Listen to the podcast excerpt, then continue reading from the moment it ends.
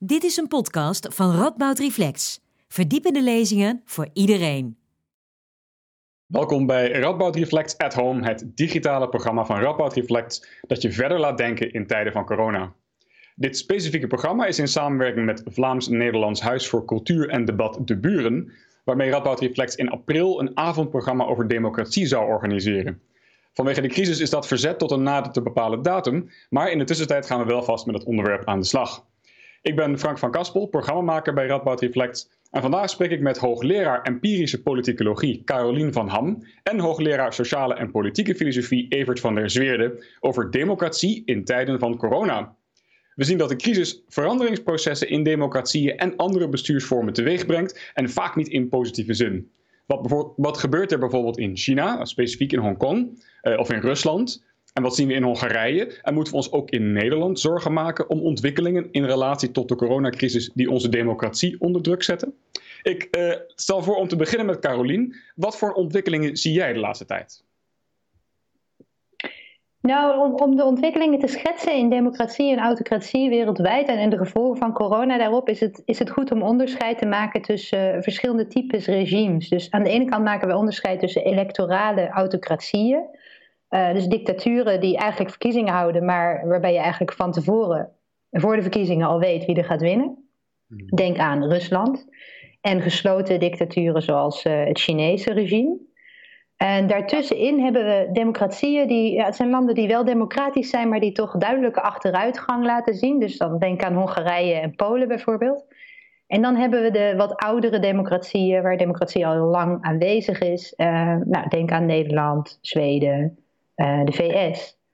Mm -hmm. um, en je ziet, als je kijkt naar autocratieën, zie je dat ze, sommige regimes sterker worden door corona, omdat ze van corona gebruik maken door uh, nou ja, tegenstanders uh, in de gevangenis te gooien, wetgeving door te voeren die de regering meer macht geeft.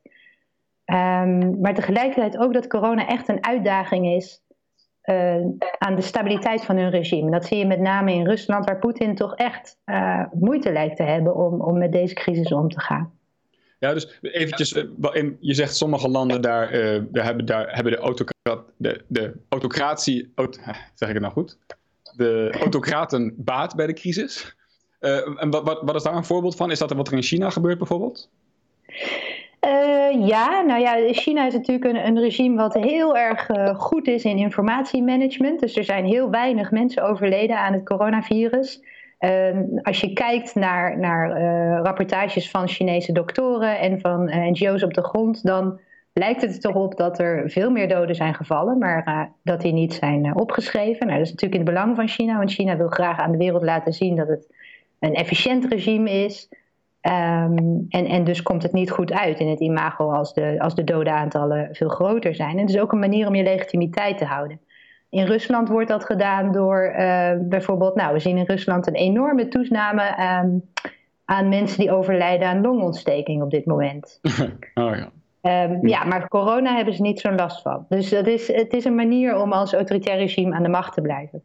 Als je dan kijkt een beetje dichter bij huis. Nou ja, Orbán heeft natuurlijk uh, uh, graag gebruik gemaakt van de coronavirus door aan het parlement te vragen: geef mij, uh, geef mij de macht om per decreet te regeren. Het parlement heeft daarmee ingestemd, zonder ja. tijdslimiet. Wat betekent dat we nu daadwerkelijk de eerste dictatuur weer hebben in, in Europa sinds lange tijd. Mm -hmm. Dat is Orbán. Ja. Nou, en, ja, en andere voorbeelden zijn en je ziet dat China in Hongkong uh, die democratieprotesters ineens allemaal uh, heeft opgepakt. Probeert nu ook volledige controle van Hongkong te krijgen, omdat het veel lastiger is om te protesteren. En ook in minder autoritaire regimes, dus bijvoorbeeld in Polen, zie je dat de PiS-partij, de regering, gebruik maakt van het feit dat mensen niet kunnen protesteren om nou ja, controversiële wetgeving terug te brengen in het parlement. Dus er zijn allerlei vormen waarin uh, democratie ondermijnd wordt. Oké. Okay. En dit is dus in al meer, autocraat, uh, in meer autocratische regimes speelt dit. Evert, herken jij dat beeld uh, van wat Carolien schetst over Rusland? Want daar heb jij natuurlijk veel ervaring mee. Mm -hmm. um, ja, nou, ik, zou, ik zou willen beginnen met uh, het niet per se relativeren, maar wel wat, wat meer complex maken van die tegenstelling van autocratieën en, en democratieën. Omdat ik denk dat wij heel vaak een, ehm, een te autocratisch beeld hebben van die autocratische regimes. Alsof het daar inderdaad zou gaan om een vorm van alleenheerschappij. Ik denk dat dat nog in het geval van China, maar zeker in het geval van Rusland niet het geval is. Uh, Poetin wordt heel vaak omschreven als de, zeg maar, de arbiter van een 25-tal grote oligarchen die vooral in de economie uh, hun, hun machtspositie hebben. En waar hij, ja, hij moet dat managen, om zo maar te zeggen. En dat heeft natuurlijk ook te maken met zijn, uh, met zijn eigen belangen. Dus ik denk dat het vaak. Wij zijn denk ik gewend om bij een systeem zoals het Nederlandse. Daar zien wij de veelheid aan opinies, daar zien wij de politieke discussies, daar zien wij al die dingen die staan die komen op televisie, om zo te zeggen. Terwijl regimes als Rusland of China juist heel goed zijn in het verbergen van al die discussies. Maar dat wil niet zeggen dat ze er niet zijn.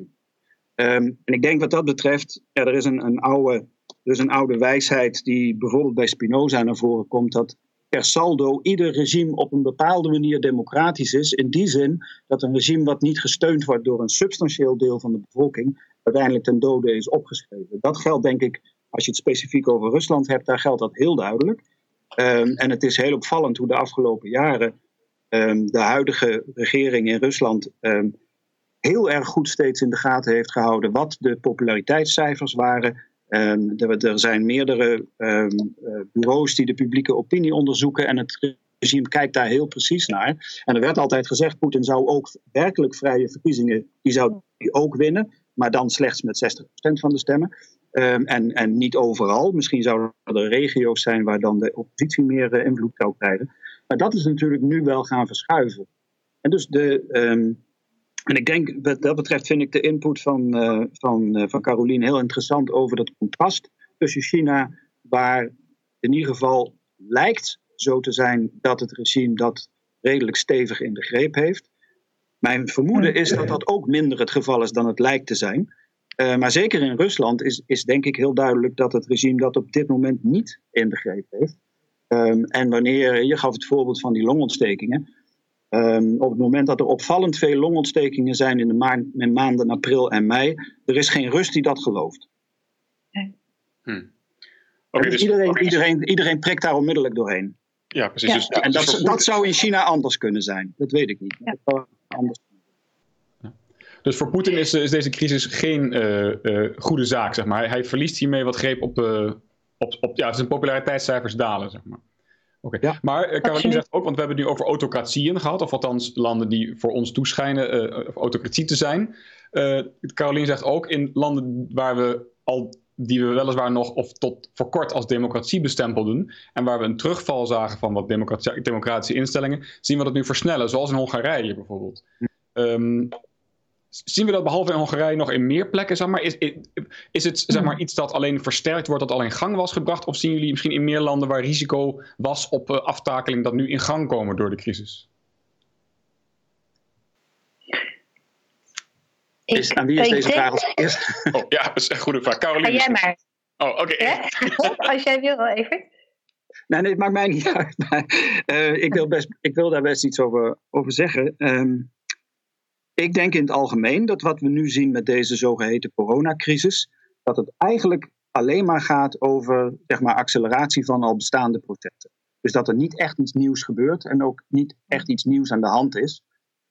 Um, en ik, ik zou opnieuw om deze reden ook um, toch wat, wat een kanttekening willen plaatsen bij de, um, bij de tweedeling van regimes in zeg maar democratieën en autocratieën. Ik denk dat dat veel meer een spectrum is. En ik denk dat er een, in alle, ook in de oude democratieën, ook heel duidelijke, altijd autoritaire tendensen aanwezig. Ik hou zelf meer van het woord autoritair dan van het woord uh, autocratisch. Um, en ik denk dat we dat, dus dat deze crisis, dat deze crisis die processen versnelt, dat zien we volgens mij over de hele wereld.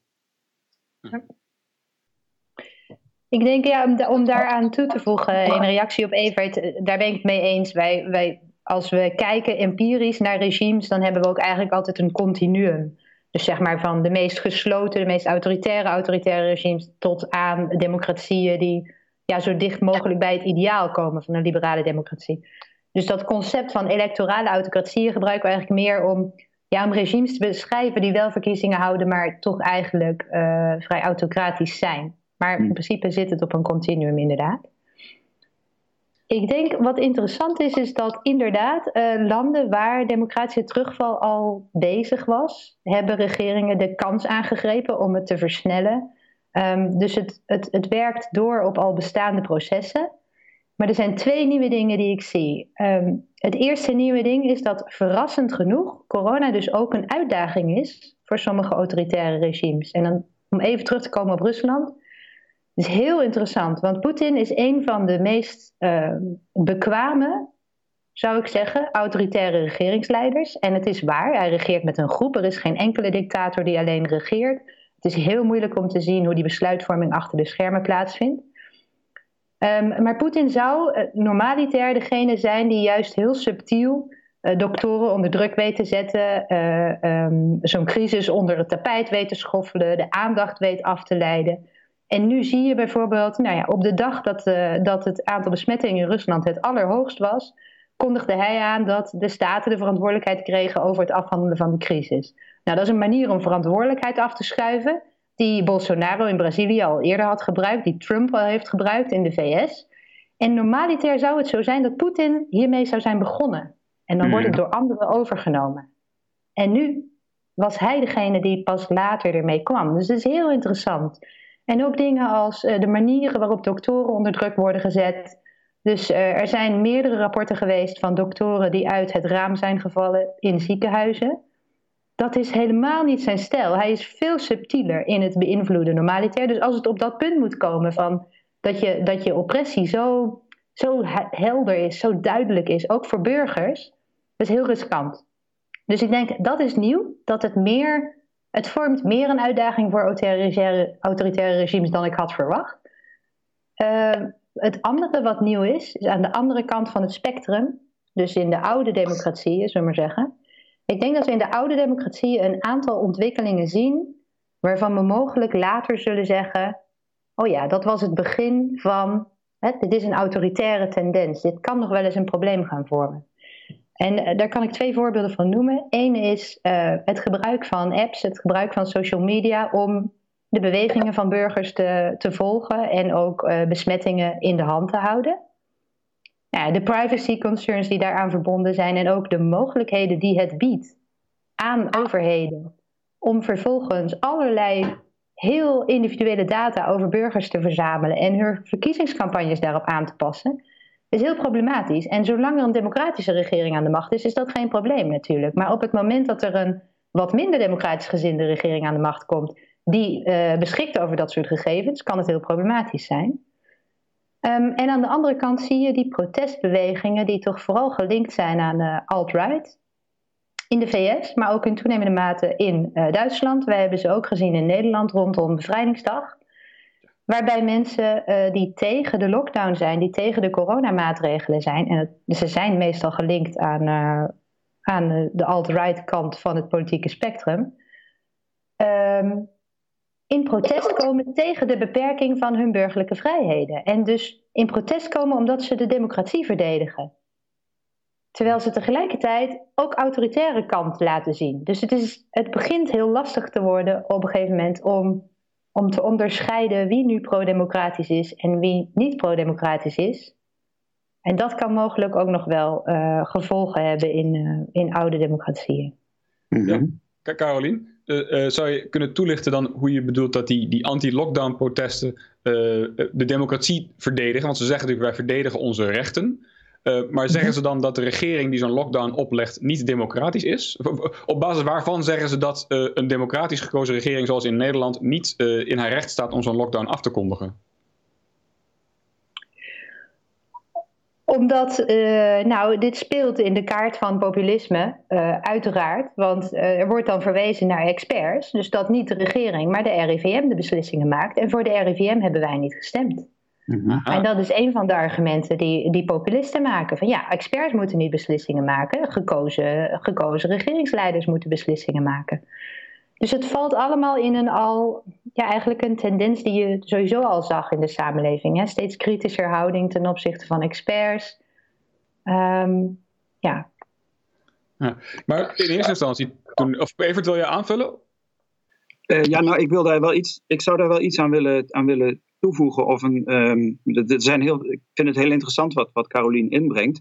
Ik denk dat een van de dingen die je kunt zien uh, bij die protestbewegingen, behalve dat dat ook heel vaak gepaard gaat met saam, samenzweringstheorieën over 5G-netwerken en dat soort zaken. Uh, en die samenzweringstheorieën zijn niet per se het privilege van, uh, van rechts.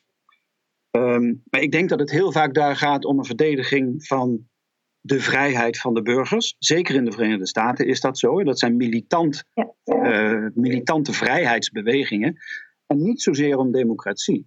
En ik denk wat dat betreft is dit is voor mij een extra argument om te zeggen we moeten oppassen dat we democratie niet te snel identificeren met liberale democratie. Ik denk, ik ben, hoor zelf tot de stroming die denkt dat dat eigenlijk om fundamenteel verschillende principes gaat. Liberale principes en democratische principes. Um, en dat je dat je eigenlijk moet zeggen dat vrijwel niemand vanuit zichzelf democratisch gezind is. Er is niemand die vindt dat iedereen evenveel te zeggen heeft. Er is niemand die vindt dat iedereen evenveel recht van spreken heeft. Democratie is altijd een vorm van compromis. En je zou kunnen zeggen, die liberale principes die zijn in zekere zin grenzeloos. Wanneer je bijvoorbeeld zegt, iedereen mag overal uh, mag vrij uh, overal over nadenken, mag mening vrij uiten en dergelijke. Dat zijn als het ware onbeperkte uh, onbeperkte principes. Terwijl democratie draait rond dingen die juist beperkend zijn. Die beperkend zijn met betrekking tot jouw input in het geheel op het moment dat je anderen ook eenzelfde uh, input geeft.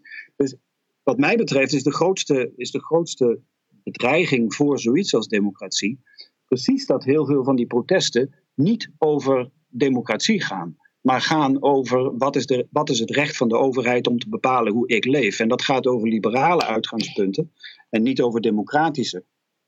Iets anders is denk ik dat verhaal over die experts. En daar is Rusland een interessante casus. Ik denk dat een van de redenen waarom Poetin op dit moment een heel groot probleem heeft, is het feit dat er in de Russische samenleving juist voor die experts een enorm respect bestaat. Dus doktoren zijn daar zo ongeveer heilig. En dat betekent dat als er een conflict ontstaat, maar op het niveau van de informatie, tussen wat de regering zegt en wat doktoren zeggen, dan is de overgrote meerderheid van de Russen geneigd om naar de doktoren te luisteren en niet naar de regering. Uh, en dat is misschien, misschien dat ze daar wel minder last hebben van de, maar zeggen, de expertallergie, waar, uh, waar ze in de Verenigde Staten natuurlijk heel veel mee te maken hebben, maar hier in Nederland ook. En hier hoor je ook heel veel het geluid van we worden nu in feite geregeerd door virologen en epidemiologen. Wat natuurlijk ook een overdrijving is.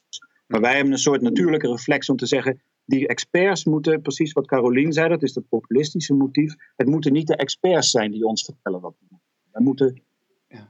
wij moeten dat zelf kunnen doen. Is, is dit misschien ook wel we in Amerika nu zien dat uh, Donald Trump ervoor zorgt dat uh, Anthony Fauci steeds minder in beeld komt? De expert die eigenlijk Trump tegenspreekt op allerlei fronten. En dat Trump zegt, nou, die, die man laten we even niet op tv verschijnen. Ja, Fauci is denk ik levensgevaarlijk voor Trump. Ja. Ja. ja. Hey, en um, Carolien, jij vertelde eerder dat we, en dat zagen we natuurlijk ook allemaal, dat op het moment dat die crisis hier uitbrak in Nederland en het kabinet met maatregelen kwam, dat in eerste instantie de populariteit van uh, de, de regeringspartijen, met name de VVD, erg steeg. Maar hoe, hoe heet dat effect en, en is dat er nog steeds? Neemt het af? Ja, het, Ready Around the Flag effect is het, uh, het effect wat we noemen in onderzoek naar legitimiteit. En als we kijken naar legitimiteit, dan kijken we meestal naar politiek vertrouwen, tevredenheid in de democratie onder burgers.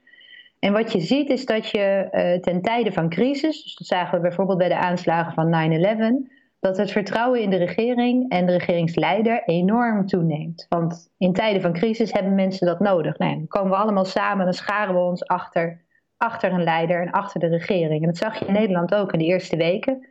Uh, de meeste mensen, verreweg de meeste mensen, deden wat van ze werd verwacht. Volgden de, de richtlijnen van de regering op.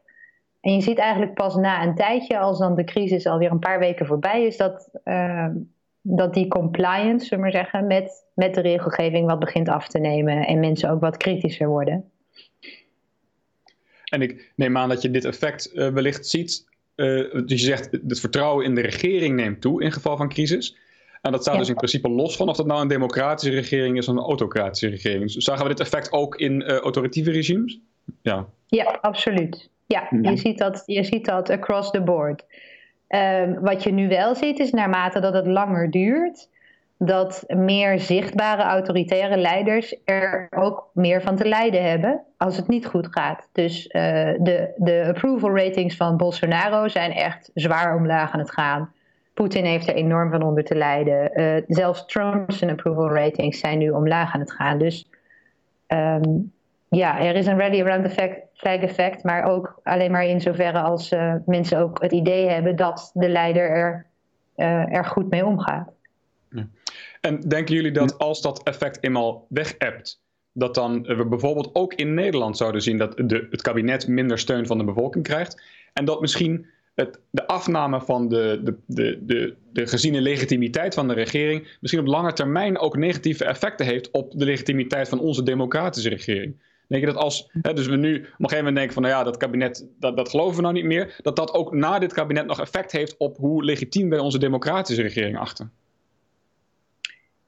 Nou, ik, ik denk um, twee reacties daarop. En we zijn op dit moment bezig om, om te kijken hoe we daar onderzoek naar kunnen doen. Um, ten eerste zie je dat nog steeds in de meest recente polls de VVD het nog steeds heel erg goed doet. En uh, de meeste Nederlanders zijn nog steeds heel erg tevreden met hoe, hoe Rutte de crisis aanpakt. Dus de minister-president krijgt in dit geval een enorme bonus voor, uh, voor hoe hij met de crisis omgaat. En ik denk dat dat nog wel gaat duren tot aan de verkiezingen. En omdat de VVD de grootste partij is in de coalitie en het meest zichtbaar, uh, betekent dat dus dat de VVD hier waarschijnlijk van gaat winnen. Dat is punt 1. Punt 2 is, uh, naarmate we uit de lockdown komen, de maatregelen in de lockdown waren gelijk voor iedereen. Iedereen moest thuis blijven, voor zover mogelijk, behalve als je in een, in een essentieel beroep werkte. Maar nu we uit de lockdown komen, beginnen we na te denken over maatregelen die waarschijnlijk alleen maar bepaalde groepen in de samenleving raken, of sommige groepen in de samenleving meer raken dan andere. En dan is het waarschijnlijk dat er ontevredenheid ontstaat. En dus het zal heel erg afhangen van hoe lang maatregelen duren, hoe zwaar ze worden ervaren door de betrokken burgers en met name hoe oneerlijk ze worden ervaren. Dus als mensen ervaren dat deze maatregelen oneerlijk zijn, alleen op hen van toepassing zijn, ja, dan kan het, dan kan het de lange termijn legitimiteit van de overheid ondermijnen. Hmm. Oké, dus, uh, dus dat is het. Evert, wil jij aanvullen? Of anders heb ik nog wel een vraag. Uh, nee, nou, wat ik, ik, ik, vond het wel, ik vind het heel interessant wat, wat Carolien uh, vertelt. Mij viel op wat ik met name interessant vind, is de discrepantie tussen aan de ene kant zeg maar, de blijvende populariteit en de blijvende waardering voor de regering en voor Rutte. En tegelijk het feit dat je dat uh, um, gathering around the flag effect al in een land als Nederland heel snel zag verdampen. Het duurde maar eventjes, of er waren mensen die daar zo hun eigen ideeën over hadden. Het duurde maar eventjes voordat er uh, dissidente geluiden waren, ook voor de analyse van het geheel. Maurice de Hond is dan een sprekend voorbeeld. Um, en dat, dat vind ik heel interessant. Hoe denk ik, kijk, in die zin is er ook niks nieuws onder de zon. Want je zou kunnen zeggen, wat is het grote talent van Rutte en de reden waarom hij nu al een vierde, een vierde kabinet leidt, dat is eigenlijk dat hij zelf nooit speciaal iets wil. Hij is de manager van het geheel en hij heeft een flinke teflonlaag, maar hij, hij weet altijd zelf um, uh, uit de wind te blijven, om zo te zeggen. En nu staat hij vooraan en hij vertelt een boodschap maar het is nooit zijn boodschap. Het is een boodschap die geleverd wordt door experts. Dus er is niks wat hem of de VVD hindert om op een gegeven moment andere experts via spreekbuis Rutte aan het woord te laten. En op die manier, bij wijze van spreken, dat zou, een, dat zou opnieuw een bonus kunnen zijn, um, te laten zien hoe goed dit kabinet wel niet luistert naar de eigen bevolking en naar verschillende kritische geluiden en daar iedere keer een, een middenweg in weet te vinden. En daarmee, om zo maar te zeggen, de ontevredenheid die beslist toeneemt en de, de spanning in de samenleving neemt volgens mij ook toe. De lontjes worden korter. Maar dat die, dat die ontevredenheid als het ware eerlijk verdeeld wordt over de bevolking. Dat zou je een goede definitie van democratie kunnen noemen. Door eerlijk mogelijke verdeling van de ontevredenheid met het beleid. Omdat het beleid wat eruit komt per definitie een compromis is tussen heel veel groepen en heel veel partijen. Dus ik vind het om op de langere termijn vind ik het heel interessant om te zien wat dit met de populariteit van, van Rutte doet. Ik denk dat het voor de legitimiteit van zeg maar, het Nederlandse bestel als zodanig in die zin een effect kan hebben dat wat mij opvalt is dat het belang van politieke partijen, wat toch al aan het slinken was, hier nog eens een keer extra versterkt wordt. En dat ook de regering volgens mij op dit moment meer luistert naar wat de mensen in het land vinden, dan naar ehm, zeg maar het koor van verschillende geluiden in bijvoorbeeld de Tweede Kamer. Of zelfs binnen de eigen coalitie. Ja, want eh, eerder zagen we ook dat eh, toen, toen Rutte maatregelen aankondigde, dat hij zei van nou, deze maatregel hebben we vorige week nog niet genomen, omdat er toen nog niet genoeg maatschappelijk draagvlak voor was. He, daar verwees hij expliciet naar. Dus het lijkt alsof hij heel goed die balans probeert te vinden tussen nou, hoeveel steun is er voor maatregelen, wat kunnen we verkopen. Uh, dus hij lijkt zich wel bewust van, dat, uh, van die balans inderdaad, ja. Ja, maar daarmee, dat is dus een open uitnodiging aan iedereen om mee te gaan doen aan dat, aan dat uh, debat en daar een eigen steentje in bij te dragen. En dan zou je, dat hangt een beetje af van je conceptie van democratie, maar dan zou je kunnen zeggen dat deze coronacrisis een oude democratie als Nederland in zekere zin juist democratischer maakt en niet minder democratisch.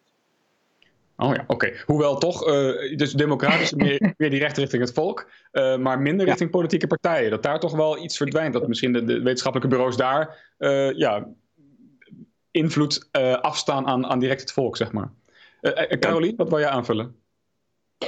Nou, ik wil, wil, daarop aanvullen. Ja, ik, ik, ben politicoloog, dus ik kijk altijd naar de machtsargumenten achter, achter het gedrag van politieke actoren.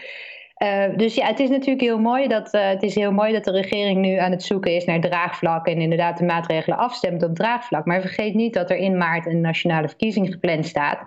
En dat de VVD toch zeer graag, neem ik aan, die verkiezing weer zal willen winnen. Dus het zoeken naar draagvlak is natuurlijk een ontzettend goede manier om, um, om campagne te voeren. Mm -hmm. um, en ik denk dat er wel degelijk um, wel degelijk verdelingsvraagstukken zijn waar oppositiepartijen op dit moment al mee bezig zijn, maar ook meer mee zouden kunnen doen om die te politiseren. Want uh, als straks de economische crisis eraan komt, waar gaan we dan bezuinigen? Gaan we dan bezuinigen op die kernberoepen die zo belangrijk waren tijdens de crisis? Gaan we bezuinigen op zorgpersoneel? Gaan we bezuinigen op onderwijzers? Of gaan we misschien een keer tegen de KLM zeggen dat er toch wel een grens zit aan de overheidssteun die ze kunnen verwachten? Dat zijn politieke keuzes die mm -hmm. kunnen leiden tot een, een, een vernieuwde polarisering rondom uh, klassieke links-rechts thema's. Um, en daarnaast zie je ook, ja, ik, ik zie die nu niet terug in het politieke debat, maar ik hoop zeer dat die uh, terugkomen in de verkiezingscampagne is dat de, de coronacrisis gewoon zwakke plekken in de samenleving heeft laten zien. Dus um, is het wel zo verstandig om zoveel ZZP'ers te hebben, die heel kwetsbaar zijn op dit moment? Um, hoe kan het dat een bedrijf als Roche 80% van de, van de markt voor laboratoriumtesten in handen heeft? Hebben wij daar niet een toezichtorgaan voor? Uh, mm-hmm. nou, dus dat soort vragen uh, verwacht ik wel weer, weer terug te zien uh, naarmate de verkiezingskoorts straks toe gaat nemen. Ja. ja. ja. heel interessant. Carolien, zie je ook, hè, want je bent, wat je zegt, je bent empirisch politicoloog. Dus zie je nu ook allerlei uh, onderzoeksvoorstellen voorbij komen uh, die te maken hebben met deze crisis en, en het soort vragen dat jij net noemde? Ja, ik heb er net eentje geschreven. maar er zijn ook heel veel collega's bezig. Uh, er is een heel groot team bezig aan de Universiteit van Mannheim met, met corona en legitimiteitsonderzoek in, in Duitsland. Het TrustGov-team in, in het Verenigd Koninkrijk is bezig met hier onderzoek naar te doen. Ja, dit is, dit is een, ja, een ultieme testcase voor legitimiteit. Dus een heel interessant moment om te kijken ja, hoe legitimiteit werkt in crisis. Ja, ja. Mm -hmm. Dus als het er nog van gaat komen, en dat hoop ik natuurlijk, dat we dat democratieprogramma dat gepland stond in april, alsnog een keer in het echt gaan houden met live publiek erbij, dan zijn er misschien al de eerste uitslagen van onderzoeken als deze. En ik begrijp dat het een interessante tijd is. En Evert, heb je ook in de, de politieke filosofie uh, dat het nu een beetje rondzinkt? Van, goh, dit is een interessante ja, een soort te testcase, wat Carolien zegt? Um, ja, maar natuurlijk, bedoel, in, in de politieke filosofie gaat het nooit om empirisch onderzoek. Um, dus dan gaat het veel meer om welke concepties van democratie spelen hier allemaal mee. Wat, wat, zijn, de, wat zijn de modellen van, uh, van, van legitimiteit, zeg maar. En daar, ik denk dat wat dat betreft loopt de filosofie altijd wat meer achter bij de actualiteit dan, uh, dan bijvoorbeeld empirische wetenschappen. Um, maar ik denk wel dat je dit wel versterkt een idee uh, dat bij heel veel politiek filosofen al leefde. En dat is wat ik eerder noemde, dat je namelijk, namelijk uh, democratie niet te snel moet identificeren met liberale democratie. En dat het op een gegeven moment vanuit een democratie-theoretisch oogpunt heel erg moeilijk is om iets in te brengen tegen een situatie die ontstaat met steun van 80% van de bevolking. En dus referenda waarin uh, grondrechten worden afgeschaft. Ik, ik, in mijn sombere momenten zie ik in landen als Hongarije dergelijke scenario's voor me. Waarbij de volmachten van de regering gebruikt worden om strenge, uh, sterke beperkingen van grondrechten aan de bevolking voor te leggen. En daar een 80 of 85% meerderheid voor te krijgen. En dat zijn vanuit een, vanuit een liberaal oogpunt zijn dat natuurlijk verschrikkelijke dingen. Net als denk aan Polen, waar, op een, waar een aantal uh, LGBT-vrije zones zijn ingesteld. Op een gegeven moment kun je per referendum het hele land LGBT-vrij verklaren. Wat dat allemaal voor consequenties kan hebben voor de persoonlijke levens van mensen, dat, dat uh, daar wil je liever niet over nadenken. Um, dus die, ik denk dat we hier, wat, wat we zien in deze crisis, uh, is precies die split tussen democratische uitgangspunten aan de ene kant en dingen als vrijheidsrechten aan de andere kant. Ja, ja. helaas zijn we door onze tijd zo'n beetje heen. Uh, oh, Caroline, okay. jij wil nog uh, toevoegen? Ga je gaan hoor. Nee, nou ja, dit opent waarschijnlijk nog weer een hele can of worms, zoals ze zouden zeggen in het Engels. Um, ik wou nog reageren op Evert, dat het zo interessant is dat uh, ik denk zowel wat de betekenis van democratie is en wat de betekenis van die liberale kant van democratie is, zoveel, uh, zoveel onhelderder is geworden over de tijd heen. Want je noemde bijvoorbeeld die protestbewegingen. Mm-hmm. Ja, die zijn eigenlijk aan het vechten voor hun rechten. Dus dat is eigenlijk de liberale kant van de democratie. Maar tegelijkertijd wordt door andere mensen de liberale kant van democratie geïnterpreteerd als juist de bescherming van rechten, de bescherming van rechten voor minderheden. En daar zijn die mensen juist weer helemaal niet voor. Mhm. Dus het, het, het wordt. Uh, ja, het, is, het, is, het, is een, het wordt een steeds verwarrender beeld over wat, wat mensen nou denken dat democratie is en wat mensen nou denken uh, wat de liberale kant van democratie inhoudt. Nou, hopelijk zal zowel binnen de politicologie als de politieke filosofie deze toch wel um, ja, uh, opdringende testcase het een en ander wat dat betreft duidelijker maken. En uh, de zwakke punten aanwijzen en zorgen dat wij hier uiteindelijk sterker uitkomen. En dat hoop ik ook op alle vlakken, niet alleen politiek gezien. Uh, ik wil graag de sprekers bedanken, want onze tijd voor vandaag is op. Caroline en Evert, heel erg bedankt dat jullie je inzichten met ons wilden delen. En graag tot een volgende keer in de studio. Dankjewel, Frank. Tot ziens. Tot ziens. Oké. Nou, uh, vond je dit interessant en ben je benieuwd naar meer van ons? Like dan deze video en abonneer je op ons YouTube-kanaal. En houd ook onze website in de gaten, ru.nl slash. En volg ons op sociale media. Dat was het voor nu. Graag tot een volgende keer.